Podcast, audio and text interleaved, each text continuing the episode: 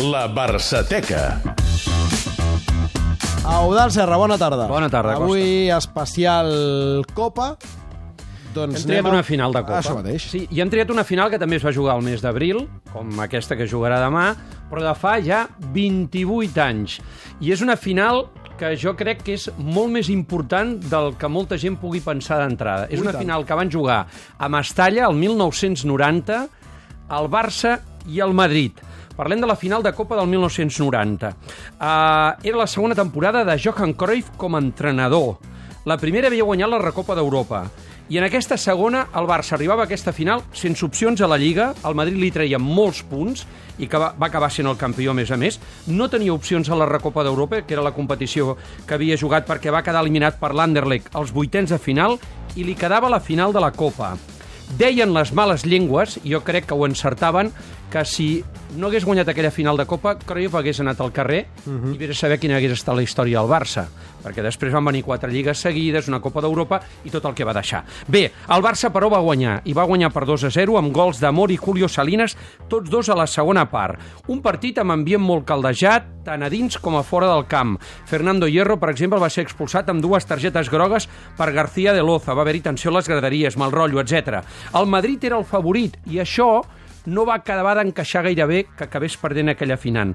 Tant, imagineu-vos, fa 28 anys ja se'n parlava, que en declaracions a la SER, el que llavors era capità del Madrid, Chendo, dolgut perquè havien perdut aquella copa, va dir que eh, no li havia agradat gens perquè qui havia guanyat aquella copa no era un equip espanyol. Al cap d'unes hores matitzava però no rectificava. que me daba pena que ganase una, una copa para ofrecerse a unas personas que, son, que no son españoles, simplemente, pero a ese sector de público. A lo demás no me refería a jugadores. Por lo demás sigo manteniendo mi criterio. Hi havia molts fronts CDR oberts, eh? Chendo. Sí, sí. Ara és el delegat del primer equip del Madrid. Va, hi havia molts fronts oberts. Això per una banda, que si hi havia part dels aficionats que no eren espanyols. Després, al terreny de joc, acabat el partit, Schuster, que llavors jugava ja al Madrid, va carregar contra l'àrbitre el gallec García de Loza per haver expulsat Fernando Hierro. Escoltem-lo. Yo el señor Losa va a pasar unas vacaciones muy felices en la Costa Brava. En un chalecito ahí seguro, porque jamás he jugado siete finales jamás he visto tan claro desde el principio qué es el equipo que tiene que ganar la final. I aquí, com deia el Serrat, cada loco con su tema. Mentrestant, Josep Lluís Núñez, president del Futbol Club Barcelona, estava enfadadíssim amb el comportament dels directius del Madrid i també d'alguns aficionats. no están, no, no, no están acostumbrados a perder y por lo tanto su forma de proceder insultando en el hotel, entrado en el hotel, había unos aficionados del Real Madrid, me han insultado, Eh, increíble, ¿no? Increíble, ¿no? Impropio de, de, de, una afición. ¿no?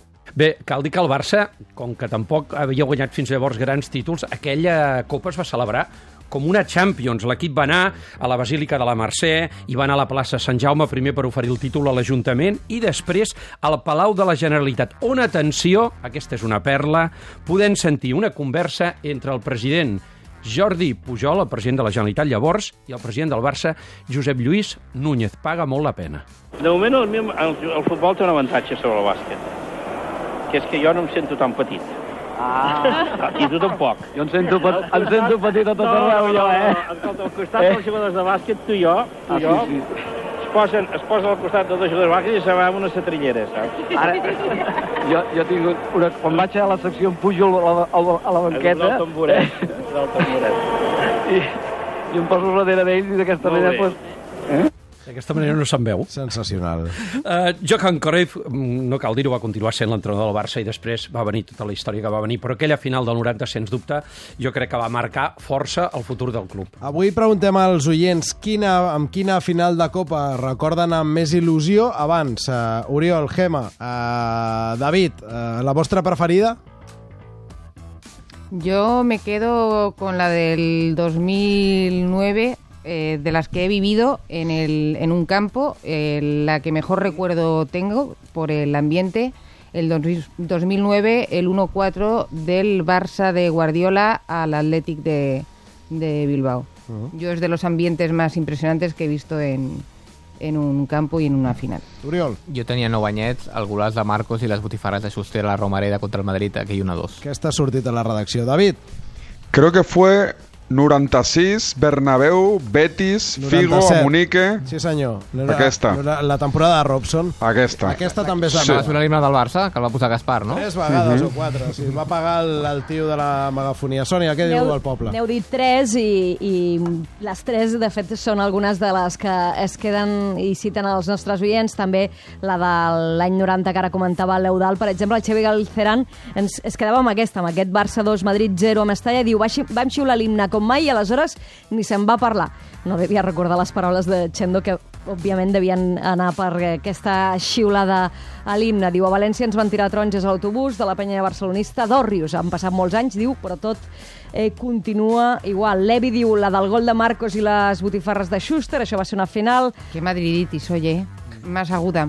Sí, em sobta de fet que tu no t'hagis quedat amb algunes de les recents de Yo he Barça-Madrid. dicho que de las que he vivido en un terreno, Ah, de, en, un, en un estadio de fútbol, la que más me ha gustado y la que mejor me lo pasé fue esa. I haig de dir que les dues contra el Madrid són dues de les grans decepcions que jo he viscut en, en directe pel, pel Barça. eh? Totalment d'acord. I la final Barça-Madrid de Mestalla amb Guardiola i, i Mourinho a les banquetes, no la del Tata. La de, és el partit més tens que he viscut mai. Mai. Es que aquella, yo de aquellas temporadas de Mourinho, Guardiola, tengo Però un aquell- molt mal record. especialment, una És el cosa... partit més bèstia d'aquella sèrie, amb diferència. El Bernat Soler ens ha enviat també un parell de tuits. Ell es queda amb la final del 83. Home, Diu la clar. Romareda, Barça 2, Madrid 1, gol de cap de Marcos amb un vol acrobàtic a l'últim minut.